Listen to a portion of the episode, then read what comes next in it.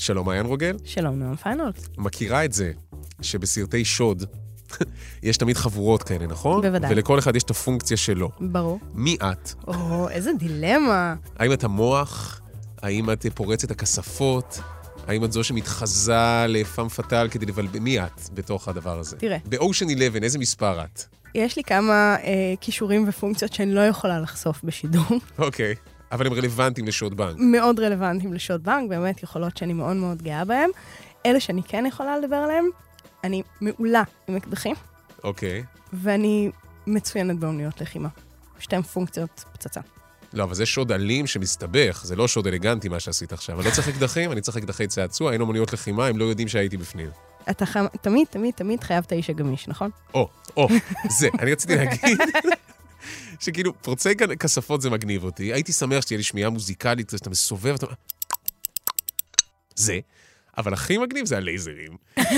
אלה שמצליחים להתגנב בלייזרים. עכשיו, היית- אה, הילדים ואני, אנחנו אוהבים כל מיני חדרי בריחה. עכשיו, חדרי בריחה זה כיף, אבל חדר בריחה שיש בו חדר עם לייזרים, זהו. זה הכי מגניב. כי אתה אומר, "אה, אני מגניב, אם הלייזר יפגע בי, העולם ימות, ויתפסו אותנו וניכנס לכלא. ואני האיש הגמיש. עכשיו, צריך להגיד, את דיברת על יכולות אמיתיות שלך, נכון? כן. המרחק ביני לבין גמישות הוא מרחק ביני לבין גמישות. זאת אומרת, אין, אין, זה לא, הפיצ'ר לא קיים.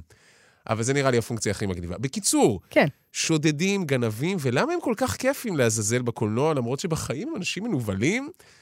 נבדוק את זה. נבדוק. מתחילים? יאללה. עושים מזה סיפור. עם מעיין רוגל ונועם פיינולס.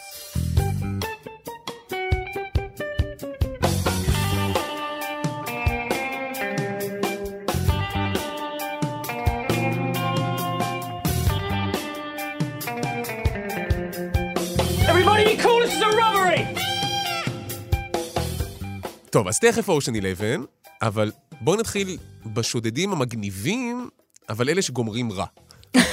אוקיי? יש לנו אוקיי. שני סרטים, אוקיי. קיד וקסידי, כן, אוקיי? ובוני וקלייד. נכון. שזה כאילו האבות טיפוס של הגנבים והשודדים. שזו חבורה מאוד קטנה, אה, זה זוגות. כן, זה זוגות. זה צמדים, צמדים מגניבים, הכוכבים הגדולים של התקופה. אנחנו מאוד אוהבים אותה, ואנחנו קצת בעדם, ובמובן מסוים, כשבוני וקלייד אומרים, אנחנו שודדים בנקים, אנחנו אוהבים. זה אומר עליהם משהו טוב. נכון. בואו נתחיל רגע בזה. בואו נתחיל בזה.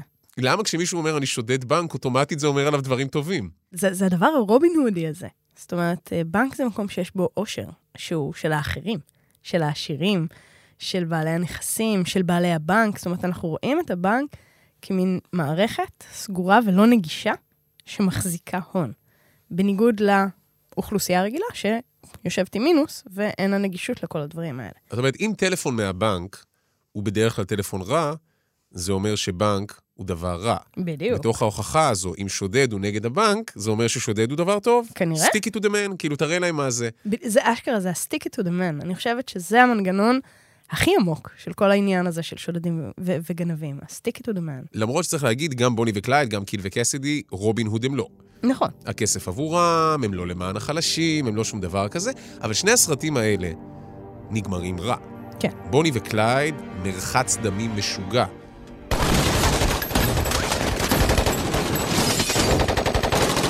שזה, אני מודה שכשראיתי את זה פעם ראשונה ממש הופתעתי, ואפילו מהגרפיות של זה.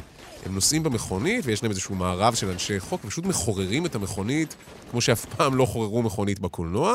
קיד וקסידי, דיברנו על זה כשדיברנו על הפרק של הסיומים, לא יורים בהם, אבל אין סיכוי שלא יורו בהם, ברור. כי הם יוצאים מתוך אה, איזשהו אה, מחבוא קטן בבוליביה, ויש אלף אנשים סביבם עם נשקים שלופים.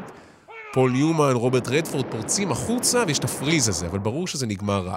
ונדמה לי שבמובן הזה הקולנוע עדיין הבין שאוקיי, השודדים, אנחנו בעדם, והם מגניבים. אבל ו- נורא חשוב חוק ומוסר. חשוב להעניש אותם, מאוד. הם צריכים לשלם מחיר, זה לא יכול אבל להיגמר תראה טוב. שזה תמיד הזוגות שמשלמים מחיר. זאת אומרת, אם אתה רגע עושה את ההפרדה של אה, חבורות מול זוגות, זוגות מתים.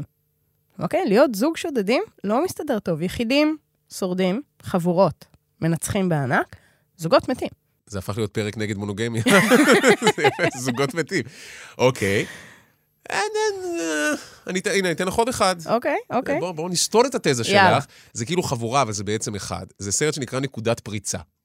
הלכתי המון שנים קדימה, הלכתי מסרטי מופת לטרש מופתי, אוקיי, הלכתי מרוברט רדפורד ופול ניומן לקיאנו ריבס. ופטריק סווייזי. אני אזכיר פוינט ברייק בגרסה המקורית שלו, כי היה חידוש שהיה לא טוב. זה על חבורת גולשים, מגניבים, שהם שודדים בנקים עם מסכות של נכון. אה, נשיאים, ואז קיאנו ריבס, שהוא סוכן FBI, כולל הציטוט הנהדר של I am an. FBI agent. בדרכו העצית של קיאנו ריבס. הוא מסתנן, והוא כאילו מתחזה לאחד מהם, כי הוא גם גולש מגניב, עם חולצות של OP ומאווי והדברים האלה. ובסוף, ספוילר, בסוף, פטריק סווייזי מצליח לברוח, אוקיי?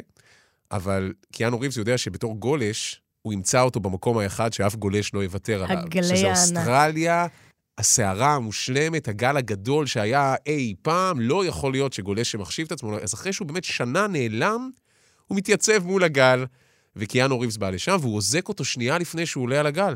הוא תופס אותו. ואז פטריק סווייזי אומר לו, Just let me go out there. Let me get one wave before you take me. One wave. I mean, where am I gonna go, man? Cliffs on both sides. I'm not gonna paddle to New Zealand. והוא משחרר אותו, והוא כמובן מת שם בתוך הגל. כי הגל פשוט קובר אותו, אבל הוא כאילו, זה אבל גם זה win. נענש. זה win, זה win. ברור, כי זה... כי הוא נתן לו למות כמו שהוא רצה למות? ברור. אבל, תראה שבפוינט ברייק, בנקודת פריצה, הגיבור זה קיאנו ריבס. אוקיי? הוא... שוטר. השוטר. השוטר הוא הגיבור והוא עובר אה, מסע חניכה דרך ה master האפל הזה, ש- שהוא פטריק סווייזי, אבל זה לא על חבורת השודדים, זה על השוטר שתופס אותם. אוקיי, אז בואו נלך למשהו שהוא לגמרי על חבורת השודדים. התחלנו עם זה, אושן 11, אוי, איזה כיף זה. אני נורא שזה. נהדר. אני, אני חייבת להתוודות, למרות שהראשון מבריק והאחרים אחר כך פשוט כאילו חוזרים על אותה נוסחה. אה, כיפים נורא. איזה אושר. אפילו אה, אושן, אלוהים יודע כמה, עם האנשים. אושן שמונה. שמונה. גם נורא נהניתי. הוא היה טרש ברמות קיצון, באמת, הם לקחו את הטרש עד הסוף, וזה עדיין נורא כיף. עכשיו, בוא, בוא נבין רגע, יש שם מנגנון, והמנגנון הזה של אושן הוא המנגנון של המון סרטי שוד, זה באמת חבורה, וכמו שאמרנו, יש את הפונקציות. הקטע שאני, אני סאקר של זה, הקטע שאני הכי אוהב, זה הקטע של גיוס החבורה. ברור, זה הכי שאני כיף. יודע שכדי לשדוד את הבנק הזה, אני צריך איש שרירים, אופה, נכון? מישהו מאוד מאוד גמיש, מישהו שטוב עם כספות, מישהו שהוא וטרן, הוא, הוא אה, אה, יוצא צבא אה, מנוסה. כזה. ואני אגיד, זה, אגב, זה לא רק בסרטי שוד, זה פשוט בסרטי חבורות. שבעת המופלאים הוא כזה. אחד המערבונים הכי גדולים אי פעם, הקטע הכי יפה זה גיוס החבורה. נכון. של לגייס את ה-7, את המגניפיסנט 7, ו-12 הנועזים, זה תמיד אה, במספרים. ואושן 11, שזה באמת 11 אנשים ששודדים ביחד, הם לא שודדים בנק, הם נכון. שודדים קזינו, They stick it to the man. הם, הם לא סתם שודדים קזינו, הם שודדים bad guy. הם שודדים נוכל, ש, שיושב על הרים של כסף שאת חלקו הוא גנב. ויכול להיות שבגלל זה הם לא חייבים להיענש, בדיוק. כי זה הגונב מגנב פטור. לגמרי. זאת אומרת, אה, מעניין. זה, המנגנון הבסיסי הזה דאג לזה שאושן 11 יכול להיות כיף, כי אף אחד לא מת שם, אוקיי? אין מחיר של דם, ולא גונבים משום בן אדם טוב, ולא פוגעים בחפים מפשע.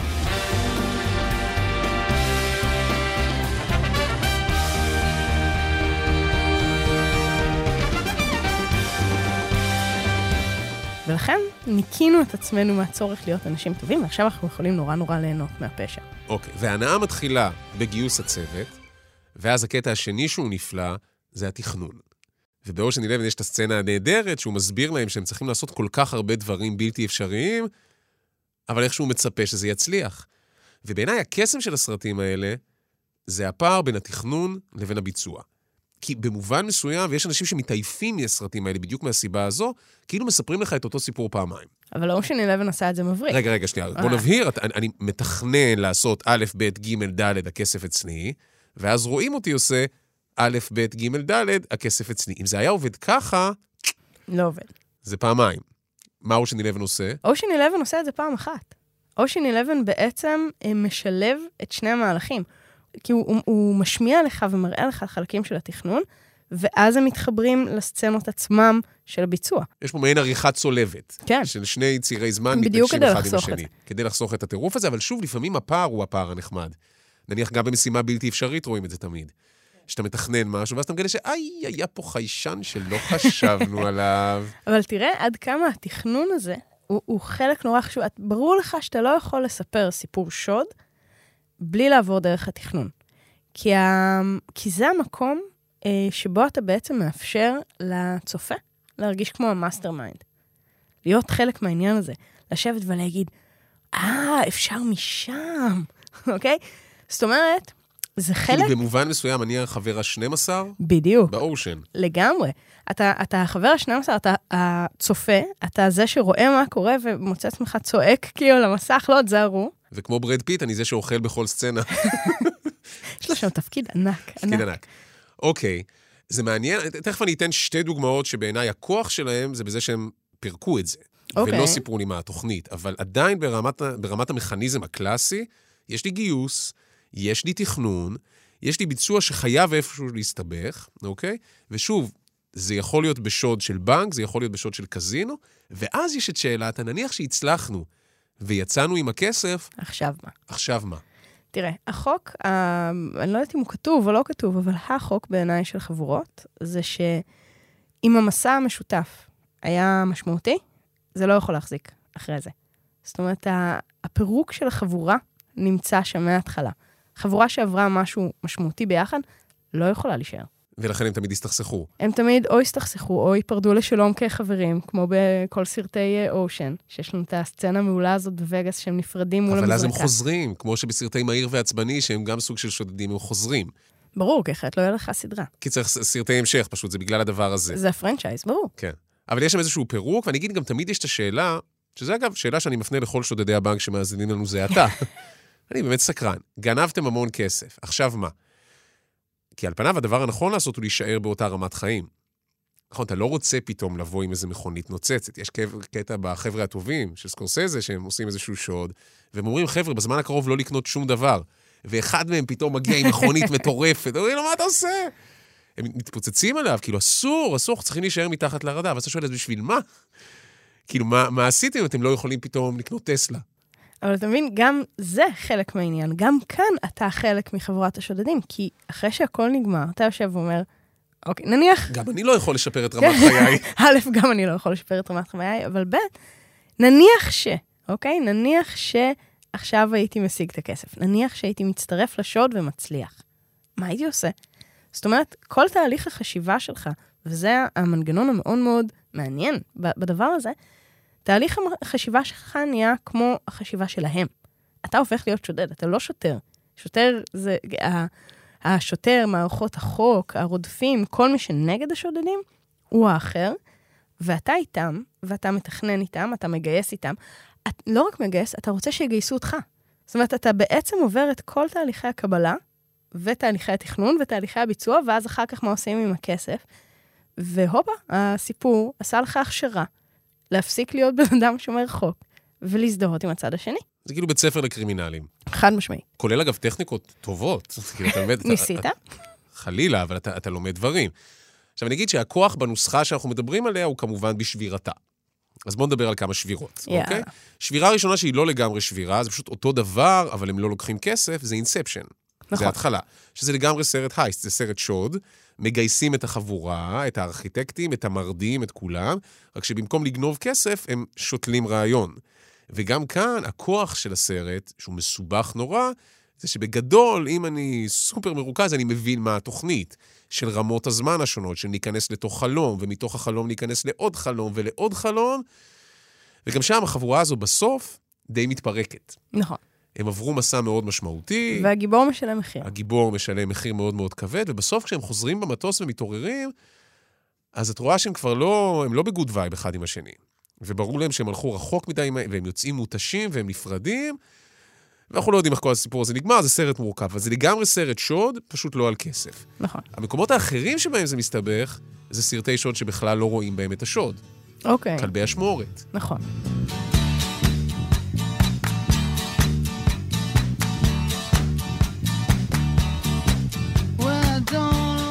שבעצם נכנס לכל הסיפור אחרי שהיה רגע אחרי, השוד. שאתה רואה שירו במישהו אנחנו וזה נכנסים הסתבך. רק לפירוק. בדיוק. ואז אחרי זה אתה הולך בפלאש, אה, כאילו אחורה, אתה הולך נכון, להרכבה, נכון. לאיך גייסו את מיסטר פינק ווייט ו- ובראון וזה. אבל השוד לא מעניין, הוא באמת לא מעניין. נכון? אני גם לא יודע איך הם זה- עשו אותו, נכון? נכון. עד עד סוף אני לא יודע מה באמת זה קרה שם. הגאונות של טרנטינו. כי אני חושבת שטרנטינו שם את האצבע בכלל באמת על, על שאלת פירוק. זאת אומרת, זה, זה הדבר, על מה קורה לחבורה אחרי. אוקיי, מה, כל המתחים וכל הדבר הזה וכל החצייה הזאת של הסף, מה זה עושה? ואני אגיד שבמובן הזה, הרי הקטע הכי יפה בסרט, סליחה לאנשים שיש להם קשיים עם תיאורים גרפיים, האוזן? האוזן. נגיד ככה, האוזן. האוזן. מישהו מנקה את האוזן עם מקל אוזניים, לא קורה שום דבר דרמטי. והרי אנחנו לא רואים את האוזן. זה הקטע המבריק שההתרחשות היא off screen.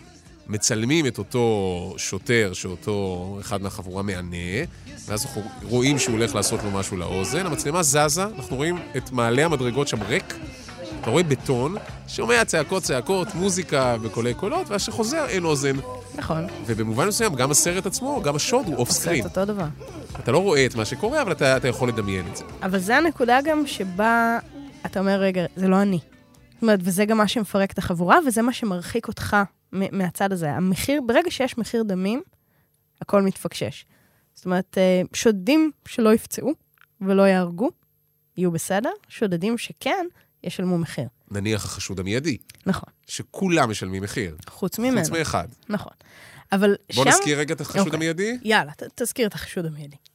זה סרט מסובך, אבל בגדול היה כאילו שוד, השתלטו על אונייה שהיה שם קוקאין ב-90 מיליון דולר, וכל האונייה נשרפה, ויש שם 20 גופות, וכאילו טירוף, ומנסים לחקור מה זה, ויש רק בן אדם אחד, קווין ספייסי, שנתפס. שנתפס, והוא חוקרים אותו ורבל שם. קינט. בדיוק, הוא כזה טיפה מסכנצ'יק, וטיפה חסר ביטחון, וטיפה אה, וטיפה צולע פגוע. ופגוע, והוא המוחלש, וחוקרים אותו ומנסים להבין מה קרה שם, והעניין הוא שבשוד הזה לא נגנב שום דבר.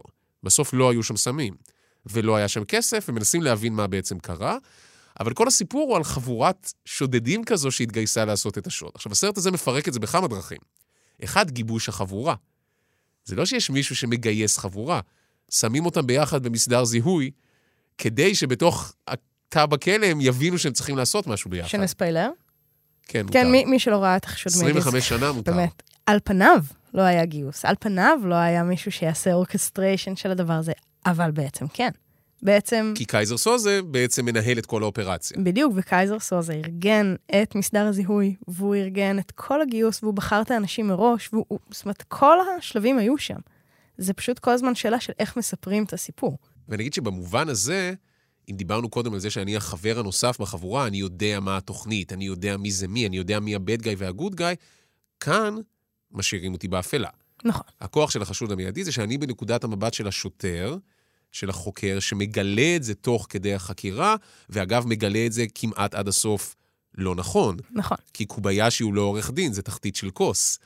אני לא באמת יודע מה קרה שם. תראה, אני חושבת שהחשוד המיידי נוגע במשהו שאנחנו תכף נפתח אותו הרבה יותר, על, על בעצם איך אנחנו מספרים סיפורים של שוד. על איך הם עוברים החוצה, זה, זה בכלל לא סיפור על שוד, זה סיפור על סיפור על שוד, על storytelling, על איך אתה מספר מה היה, ועל היכולת של הסיפור לשנות את המציאות, ולצבוע אותה באיזה צבעים שאתה תרצה. כאילו, זה לגמרי סיפור על כוחו של ה storyteller. אז תני רגע איך אנחנו מספרים סיפורי שוד, אחרי זה אני אחזור, ברשותך, לעוד שני סרטי שוד הטובים ביותר בעיניי. טוב, ואחר כך גם יש כמה סדרות, יש לנו מלא מה לעשות היום. יאללה. אבל העניין הוא כזה, אתה זוכר את האופנובנק?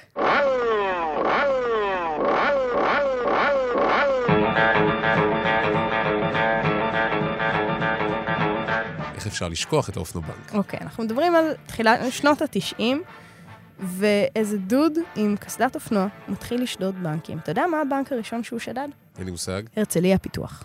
עכשיו, זוכר מה שאמרנו קודם על בנקים? זאת אומרת, זה לא... זה כאילו הבנק של המליינים. זה הבנק של המליינים, זה למי אכפת. זה רובין הוד, שהוא לא חולק איתנו את הכסף. זה לא העניין שהוא יחלק איתנו את הכסף, הוא חולק איתנו את הסיפוק. הוא לוקח את הכסף, ואנחנו מקבלים את הסיפוק מהדבר הזה. זאת אומרת, אתה יודע, זימברו את המליינים. זה כיף. ומיד הוא באמת זכה להערצה בזמן אמת. הוא זכה להערצה מטורפת. עכשיו, זה, זה הגיע, הוא סך הכל שדד 21 בנקים ב- עד שהוא נתפס. אהבתי סך הכל. כמה בנקים את הספקת לשדוד? ובת כמה את? אוקיי. 21 בנקים, הוא עשה אפילו פעולות של אה, לשדוד בנק, לחכות שהמשטרה תגיע, ואז לשדוד סניף בצד השני של הרחוב. זה כאילו לעשות להם נע בריבוע כזה. לגמרי. אנשים היו מגיעים לסניפים של בנקים שהם חושבים שאולי לשם הוא יגיע ומחכים רק כדי להיות נוכחים כשהוא שודד את הבנק. כי אני רוצה להישדד על ידי האופנובנק. לא, אני לא נשדדת. אם אני עומדת שם, אני צופה. הוא שודד את הבנק, הוא לא פוגע בי, הוא לא פוגע בחפים. כאילו, הכסף שלנו בבנק. זה הכסף של אחרים, לנו אין כסף בבנק. אין אוקיי, מספיק. הוא היה גיבור של ההמונים. זה שוד! למלא? מה? למלא? דברי בקול רם, הקסדן, לא שומע. למלא? אה, כן, עד הסוף. שתי שקיות, אה, מותק, אצלי זה עיקרון, רק אחת. היי, סליחה? אתה יכול אה, לתת לי חתימה? בטח.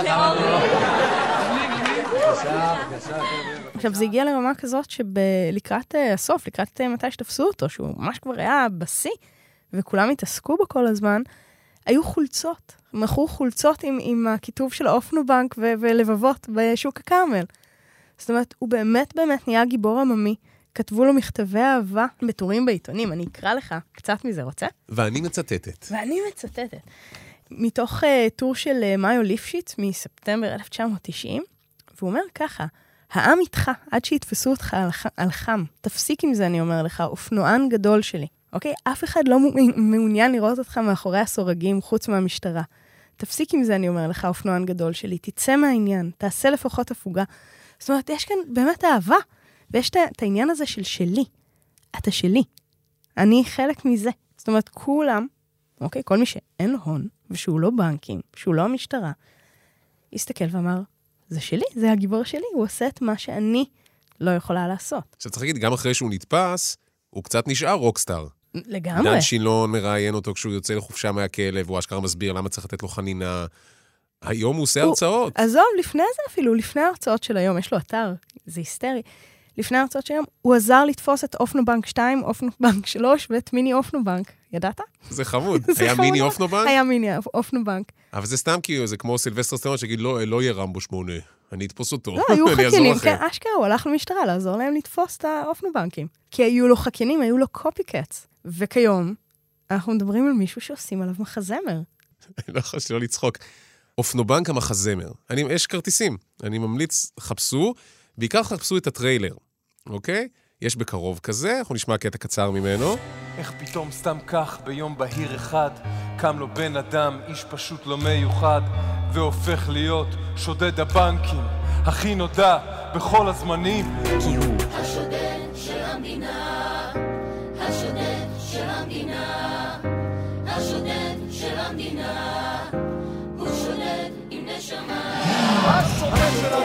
וכמו שאתם שמים לב, השורה, השודד של המדינה הוא שודד עם נשמה. זו שורה שאי אפשר לעמוד בפניה. עכשיו, זה שחקנים טובים, וזאת נראית הפקה סופר מרשימה. אני אגיד בזהירות, אני ממש זהיר פה, יש מחזמר מאוד מאוד מצליח בעולם, המילטון, בסדר? שנשמע בול ככה. עכשיו, אני לא יודע אם היה כאן שוד של זכויות קניין רוחני ותביא, זה נשמע ממש ממש דומה, בסדר? אני אומר את זה בזהירות, אבל לא חשוב, עצם העובדה שיש מחזמר על האופנובנק, שהוא רוק, תחשבי על כמה אנשים חשובים בתולדות ישראל אין מחזמר, ועל האופנובנק יש, כי הוא באמת, הוא כאילו רובין הוד, רק בלי ההוד, הוא כאילו... נכון? כי, כי זה לא על הכסף, זה על, ה, על ההון הרגשי. הוא חולק וחלק איתנו את ההון הרגשי. וזה זה הכוח שלו. עכשיו, העניין הזה של התהילה גם עובד עם, עם חבורות. יש עכשיו את הסיפור של אה, שוד הכספות הגדול בתל אביב. בתל אביב, נכון, היה לפני כמה חודשים. ממש לפני חתיכת כמה- סיפור. סיפור ענק. הצליחו, עכשיו, תראה עד כמה האלמנטים הקולנועיים יושבים כאן פרפקט. אה, חברת כספות הודיעה שהיא בנתה את הכספת המאובטחת ביותר האפשרית. שזה כבר התחלה שאת רואה בהוט או ב-yes, חבורת שודדים פורצת את הכספת המאובטחת ביותר האפשרית. זה ממש כאילו מתוך זה התקציר, אוקיי. והם הצליחו אה, לפרוץ את הכספות, לגנוב משם המון דברים, אבל אנשים שמהם נשדד תוכן הכספות לא מדווחים למשטרה. אתה יודע שלא הוגשה אף תלונה של בעל כספת למשטרה? כי זה דברים שלא מדווחים למס הכנסה מן הסתם קודם. בדיוק, כי יש שם דברים של בעלי הון, אוקיי? העשירים החזיקו שם דברים שהם לא רוצים לדווח עליהם, יהלומי דמים. נניח. או שלא, אתה יודע, סתם לא, מירושלים. סתם ג'ובות שהם עשו כן. ו- ולא דיווחו, כן. אבל הם לא... להם יש, לנו, רוב העם אין, וקבוצה מבריקה, נועזת, של שודדים, הצליחה לגנוב את כל הדברים, את כל האוצרות האלה, מתוך uh, הכספות המובטחות ביותר שיש. זה יושב פרפקט על כל המנגנון שדיברנו. זה מגניב. האמת שאפילו באופן שבו מדווחים על זה בתקשורת, חוץ מזה שאומרים נועז וחבורה ומשתמשים בשמות מטריילרים, יש קטע, אם תשימי לב לכתבי פלילים, הם תמיד מדווחים בזמן הווה. זאת אומרת, אפילו אם זה היה שלשום בבאר שבע, אתה אומר, עשר בבוקר, סניף הבנק בבאר שבע. שודד רעול פנים נכנס פנימה ושולף אקדח. אתה לא אומר שלף אקדח. הוא אומר לטלר לפתוח את הכספת. הטלר, כאילו, זה כזה. זה, הוא פותח, הוא לוקח, הוא בורח. זה לא לקח שלף. למה? כי כשזה בזמן הווה, זה מרגיש כמו סרט. נכון. אני מרגיש. שם, אני בתוך הסצנה, אני באקשן, יתפסו אותו, לא יתפסו אותו, זה כל הדבר הזה. ואנחנו תמיד רוצים שלא יתפסו אותו. כן, אה? כן. עכשיו, זה, זה נכון. זה מעורר שאלה נורא נורא מורכבת, כי על פניו, התקשורת אמורה אה, לדבר את הקודים המוסריים שלנו, את הצורך של החברה להישמע למערכת שלמה של חוקים וזה, והיא עושה את ההפך.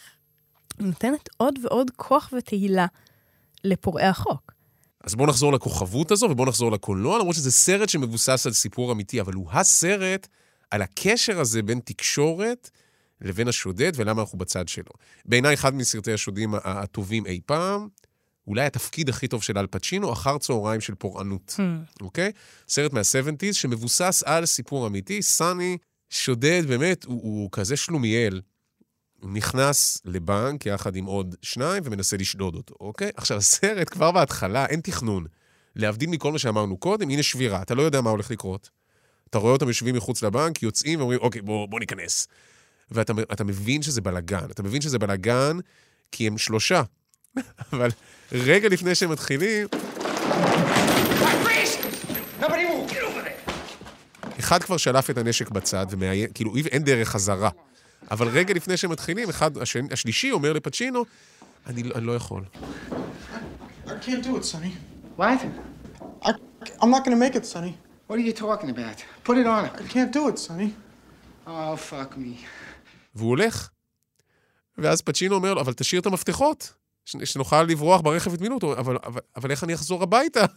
אתה, כאילו, אתה, ואתה חומל עליהם, אתה אומר, אוקיי, זה לא ייגמר טוב, זה לא אושן, אין פה תכנון, זה לא משימה בלתי אפשרית, אין פה, זה סתם, זה אנשים שהסתבכו, צאו משם, מה אתם עושים? אתה מת לצעוק, החוצה, לך, לא, אל, אל תעשו את זה, אבל מאוחר, כי מישהו כבר שלף נשק. עכשיו, זה בגרסת הסרט. במציאות, זה היה הבנק הרביעי שהם נכנסו אליו באותו יום. מסתבר, בבנק הראשון שהם הלכו אליו, אז לפני שהם נכנסו, נפלטה ירייה מהנשק. פתאום התחילה מהומה, אז הם ברחו, כי כבר יש משטרה. ואז הם הלכו לבנק שני, והם תצפתו עליו, והם ראו שם אימא של אחד החברים הקרובים שלהם. לא טוב, יזהו אותם. הלכו לבנק שלישי, אמרו, אוקיי, זה המקום. עשו איזה ניסוי ביבש על מסלול הבריחה, נוסעים במכונית לראות איך נברח. התנגשו במכונית, יש תאונה, יש אזעקה, אי אפשר. הלכו, זה באמת, זה השלומיאליות הקלאסית. הולכים לבנק הזה ומתחילים לשדוד, והשוד מסתבך. אין שם כסף בכלל, רוקנו את הקופה קודם, הוא שורף את ה... סיפור אמיתי, הוא שורף את כל ספרי החשבונות, ופתאום העשן יוצא החוצה, אז מזעיקים משטרה, ופתאום ממשהו ש... זה בסוף היום, זה חמש אחר הצהריים כזה, ממשהו שהיה אמור להיות עשר דקות והביתה, הם שם 14 שעות, עם בני ערובה, עם משטרה מבחוץ, עם ניידות, ועם תקשורת שמשדרת את הדבר הזה בשידור חי. הדבר הזה, יש footageים אמיתיים, לא בסרט, אבל בסרטי תעודה שנעשו על זה, שאתה רואה איך כל הדבר הזה שודר בשידור חי, שוד בשידור חי, ומדי פעם, סאני, פצ'ינו, יוצא החוצה כדי לדבר עם השוטרים, והוא מבין שהוא rockstar, והוא מתחיל לשלהב את ההמונים, ואפרופו stick it to the man, עכשיו זה לא הבנק, כי זה בנק שכונתי, זה המשטרה, וזה כמה חודשים אחרי שהיה סיפור, שהיה איזה מרד אסירים בבית כלא מפורסם, והמשטרה שם הרגה פשוט 40 אסירים. אז הוא מלהיב אותם וצועק את השם של בית הכלא.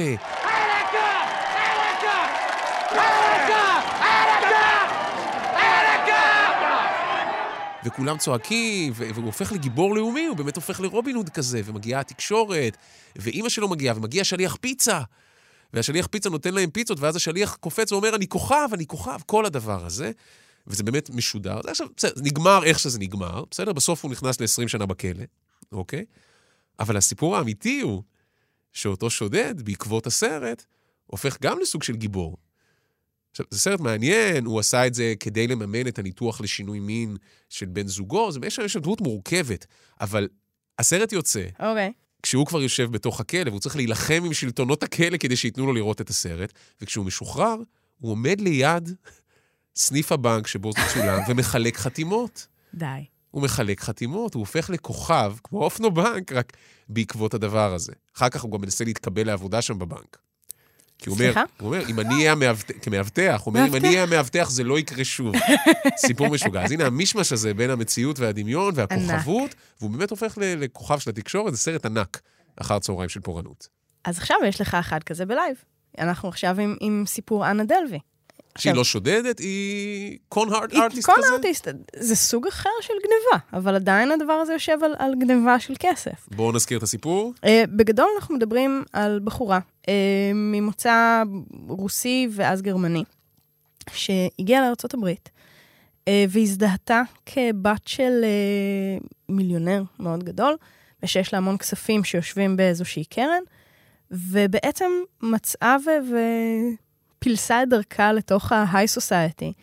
והתחילה להקים איזשהו פרויקט נורא גדול, והתחילה לגייס כספים, והתחילה לגייס התחייבויות, ובעצם נכנסה לאיזושהי מערבולת מאוד מאוד גדולה אה, אה, כלכלית, והכל סביב איזשהו סיפור על זה שהיא בת עשירים. עד שלאט לאט התברר שלא, היא לא בת עשירים. זאת אומרת, אין, אין כסף מאחורי זה, אה, והכל היה פייק. עכשיו, זו סדרה של נטפליקס, אבל במקביל לא, למשפט שלה... זה הסיפור האמיתי. זה הסיפור האמיתי, אבל זה גם סדרה של בדיוק. נטפליקס. ואז מה שקרה זה שבעצם כל הדבר הזה היה מאוד מתוקשר. זאת אומרת, כל הזהות שלה וכל הדבר הזה התנהל דרך הטוויטר. ואז מגיע המשפט שלה, ובמשפט שלה אה, היא מתעקשת והיא עושה את כל מה שצריך כדי שתגיע תקשורת, כדי שהיא תקבל חשיפה, היא רוצה להיות מפורסמת.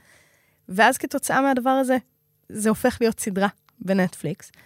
ואז זה הופך אותה לעוד יותר גיבורה. זאת אומרת, כל הדבר הזה כל הזמן מזין את עצמו, והיא גם מן הסתם מקבלת כסף על הזכויות, נכון? בדיוק, זאת אומרת, יש כאן איזשהו מנגנון מאוד מאוד מטורף, ש, שנע על הדבר הזה של בין גיבורת תרבות לנוכלת, בתוך ה fiction, בתוך התיעוד, אנחנו באיזשהו ערבוב נורא נורא גדול, והיא נהיית גיבורה. לצערנו. לא יודעת. אני תראי, לא בטוחה. אני לא מדמיין את אנה המחזמר, היא לא אופנובנק. בואי, יש... אה, חכה. סתם, סתם, אני צוחק. אוקיי, דיברנו על, על, על, על אומני נוכלות כאלה, כמו אנה, ועל אנשים ששודדים כסף. בעיניי, השודדים הכי מעניינים זה שודדי אומנות. אוקיי. כי שם אני באמת לא מבין, אוקיי? שדדת כסף, אז בסדר, אתה קצת מתחת לרדאר, אבל הבטחת את עתיד ילדיך. אתה קונה טירה איפשהו בזהות בדויה. שדדת את המונליזה, אתה לא יכול לעשות עם זה כלום. אתה לא יכול להציג את זה. זה כל מיני אנשים מוטרפים שזה במרתף שלהם, והם צופים ואומרים, זה שלי, וזה רק שלי. כאילו, יש איזה משהו בשוד אומנות, אני לא מבין. בסדר, אפשר למכור ואפשר זה, אבל משהו שם במנגנון לא עובד. מה גם, שאפרופו המונליזה, מסתבר, סיפרו לי הבנים שלי, שכששדדו את המונליזה, יותר אנשים הגיעו ללובר כדי לראות את הריבוע הריק על הקיר. זה יותר מגניב. תראי מה. מלמדים בבתי ספר היום, את רואה? בית ספר לקרימינלים. אז במובן, והחזירו, וזה בטח ישדדו את זה שוב. יש משהו בשוד אומנות, שזה גם סרטים מעניינים נורא, וגם טרו קריים כזה, שמצד אחד הוא נורא מגניב, כי יש את הזייפנים ויש את השודדים. מצד, אני לא מבין. יש סיפור אמיתי כזה, סרט יהודי ש... שהייתי מעורבת גם ב... ביצירה שלו, אז זה היה גם תהליך נורא מגניב, כי באמת הלכנו בדרך הזאת של לחקור את. וזה הסיפור של אה, כתר ארם צובה, לא יצירת אומנות, אלא ספר התנ"ך העתיק ביותר בעולם. אוקיי. אה, והוא נשמר המון המון שנים בחלב, אה, אצל הקהילה היהודית, שם בתוך אה, ארון נעול, שתמיד היה את שומר הכתר, שהיה לו את המפתח תלוי על הצוואר. אה, ואז אה, בפרעות בחלב שרפו את בית הכנסת, והכתר נעלם. ולמשך משהו כמו 10-15 שנה, אף אחד לא ידע מה קורה עם הכתר, עד שהוא הופיע בארץ. הוא הגיע לכאן, הצליחו להבריח אותו בשיתוף פעולה של המוסד וכזה, אה, והוא הגיע ליד בן צבי, ואחר כך למוזיאון ישראל בשלב הבא, אבל 200 עמודים ממנו חסרים. ו-200 העמודים האלה, 200 עמודי קלף, אמרו, אוקיי, הם נשרפו. אוקיי? לא, לא אשמתנו. קורה, דברים אוקיי. נשרפו. עד שבמוזיאון ישראל, בתהליך של השיקום של הכתר, התברר שאש לא נגעה בקלף מעולם. או, נתלשו? נעלמו. 200 עמודים, עמודי קלף, שכל אחד מהם, אתה יודע, אי אפשר באמת לשים על זה מספר, אבל זה לפחות חצי מיליון דולר לעמוד. אוקיי. אוקיי? זה חתיכת אוצר. ומתוך הדפים החסרים, אחד הוחזר על ידי מישהו חלבי, וזהו. וכל הדבר הזה, אתה יודע, יש כאן המון שאלות. ואחת התיאוריות, ואני לא ידעתי אם היא אמת, אני לא יודעת כלום. אתה יודע, זאת אומרת, התחלנו את התהליך הזה, אני באיזשהו שלב עזבתי ו- וזה המשיך ושודר בכאן. לא הגיעו למסקנות, אנחנו לא יודעים. אבל uh, יום אחד, בזמן שהתחלנו את כל הדבר הזה, קיבלנו מייל. מישהו שאמר, תשמעו, אני הייתי אצל אה, מישהו מאוד עשיר, ובסוף הארוחה הוא אמר לי, בוא בוא. וירדנו למטה למרתף, והוא הכניס אותי לחדר סודי, עם דלת של כספת, והראה לי דף של הכתר. ובעצם יש שם סיפור שלם של אופציה שיכול להיות שבני הקהילה הם אלו שמחזיקים בדפים, שהם אלו שממשיכים להגן על הכתר. זאת אומרת, יש כאן איזשהו עניין של, הם לא באמת גנבו, הם הצילו אותו. ואני חושבת שיש איזושהי, uh, זה, זה מעבר לחמדנות. זה לא החמדנות של לי את המונליזה במרתף. זה אני מצילה את זה, זה כמו אינדיאנה ג'ונס או, כזה. בדיוק מה שרציתי להגיד, שאינדיאנה ג'ונס, על פי מה שאת אומרת, הוא הבד גיא. Hmm. כי הוא לוקח מהילידים. זאת אומרת, באיזה זכות אתה נכנס ולוקח את, ה, את האוצרות האלה? הם לא שלך. גם אף פעם לא ראית אותו שם את זה במוזיאון. וזו שאלה מאוד גדולה. את יודעת, אגב, ארכיאולוגים שונאים את אינדיאנה ג'ונס. למה? הסרט הראשון, בסדר? שודדי התיבה האבודה. בסדר, הוא כאילו מציל מהנאצים. big deal, בסדר. הנאצים, בסדר? אבל הסרט מתחיל בזה שהוא נכנס לתוך המקדש הזה, נכון? נכון. ויש שם את כל הטכנולוגיות המשוגעות, עם כדור האבן שנופל עליו, והחצים, והמורעלים, כל הדבר הזה שלא התיישן כנראה 400 שנה. ויש שם את הפסל המוזהב הזה. פשוט לוקח אותו. הוא לוקח, והוא מחליף אותו באיזה משהו ששוקל באותה מידה. גם, גם מנגנון מבריק, ואז בורח, והכל נהרס שם. עכשיו, קודם כל, באיזה זכות? מי שמך ומי אומר שזה לא צריך להיות שם במקדש? אפרופו בדיוק הסיפור שאמרת, זה של הילידים, אוקיי? אבל אומרים ארכיאולוגים, הפסל המוזהב זה הדבר הכי לא מעניין במקדש. הרי ארכיאולוג אמיתי אומר, סבבה, יש פה פסל מוזהב, אבל וואו, איזו הזדמנות לחקור את הטכנולוגיה שעשו פה לפני 400 שנה. והתרבות, ואיך והכיתובים. החזיקו את הכדור הזה, ואיך החצים, במה הם מורעלים, ואיך זה, כאילו, יש שם כל כך הרבה מה ללמוד על תרבות, שלמי אכפת. שאינדי לא מזיז, נו, יש פה זהב, איזה כיף, אני אקח זהב. נכון, הוא בעצם שודד. הוא לגמרי שודד. כן. למה אנחנו אוהבים אותו? כי זה אריסון פורד? לא מגיע לו. אנחנו אוהבים אותו, כי יש כאן אה, איזשהו משהו, אני חושבת שזה גם מה שיושב באושן. יש בו משהו ילדי, הוא פיטר פן. הוא לא גבר מבוגר, זאת אומרת, אין לו לא את המוסר, לא את הקודים החברתיים, לא את המחויבויות, לא את הזוגיות, לא את הילדים, שום דבר. הוא שובב, הוא חינני, אה, הוא חתיך, הוא אה, עם יכולות פיזיות מגניבות, אה, הוא מסתבך אבל יוצא מזה. זאת אומרת, הוא, הוא פיטר פן. והפיטר פניות הזאת נורא מגייסת אותנו. אה, אנחנו לא, לא, לא נותנים לו את האחריות שיש לבן אדם מבוגר. מעניין. אז אפרופו התנהגות ילדותית, הנה דוגמה, דיברנו על, על שוד אומנות, על שוד שהוא הפוך. שזה קצת כמו אינספשן של העולם האמיתי, אוקיי? אוקיי. זה אומן ישראלי בשם אליעזר זוננשיין, וזה בעיניי אחד מסיפורי האומנות הכי מגניבים שיש. היום הוא אומן נחשב, אבל בזמנו, יוצא בצלאל, וזה, אתה יודע, מנסה להציג את היצירות שלו בכל מיני תערוכות בכל מיני מוזיאונים, ולא סופרים אותו. כי זה כזה גילדה סגורה. והוא כועס. הוא אומר, אני רוצה שיצירה שלי תהיה במוזיאון. אז פעם אחת הוא מבקר במוזיאון תל אביב, והוא מניח שם איזה בקבוק צבוע על הרצפה. הוא אומר, מה קורה אם אני מניח יצירה? מה יקרה? והוא בטוח שתוך שנייה המנקה יעיף את זה. חוזר אחרי שבוע, זה שם. אוקיי, נדלקתי. גדול. ואז הוא מחליט פשוט לתלות יצירות בלי אישור. והדרך שהוא עושה את זה, זה ממש, זה ממש, הוא, הוא מתחזה. יש איזו תערוכה שנפתחת, מחר, ויש איזשהו עוצר של התערוכה, שיש לו כנראה איזה דיבור עם איזה מבטא. אז הוא שואל איזה אומן אחר שמציג, תגיד, מה המבטא, איך הוא מדבר? נותן לו חיקוי שלו. הוא מתקשר לשומרי המוזיאון, אומר, מתחזה לעוצר, אומר, תקשיבו, יש אומן אחד שעדיין לא הספיק לתלות את היצירה שלו, קוראים לו אליעזר, תכניסו אותו. השומרים מכניסים אותו. הוא תולה שם את היצירה שלו, כולל הכתובת, ללא כותרת, אליעזר זוננשיין, 1990 וזה. וזה שם. עד ששבוע אחרי זה שמים לב, והמוזיאון מאיים עליו בתביעה. הוא עושה את זה המון המון פעמים, הוא כאילו האקינג של המערכת. זה שוב סטיקי טו דה מן, רק הפעם זה לממסד האומנותי, עד שפעם אחת הוא ממש תולה יצירה, והאוצרת של התערוכה אומרת, "נה, ח- חיפשתי אותך כל כך הרבה זמן, איזה מזל שתלית, בוא, תהיה חלק. ושם הוא נכנס לתוך הממסד. אגב, גם בנקסי נכון. עשה את זה. במוזיאונים גדולים, פשוט בא והדביק עם דבק על הקירות יצירות שלו. זאת אומרת, לפעמים היכולת לשתול ולא לקחת היא מעניינת, אבל גם בזה וגם בזה זה באמת אותה שובבות וילדותיות והחן הזה, ולכן אנחנו קצת סולחים להם. לא רק שאנחנו סולחים, אנחנו קצת, קצת, קצת רוצים גם. זאת אומרת, כל הסיפורים האלה מאפשרים לנו, אתה יודע, את ההזדהות ולהגיד, בא לנו גם. זאת אומרת... את תכננת פעם את השוד המושלם?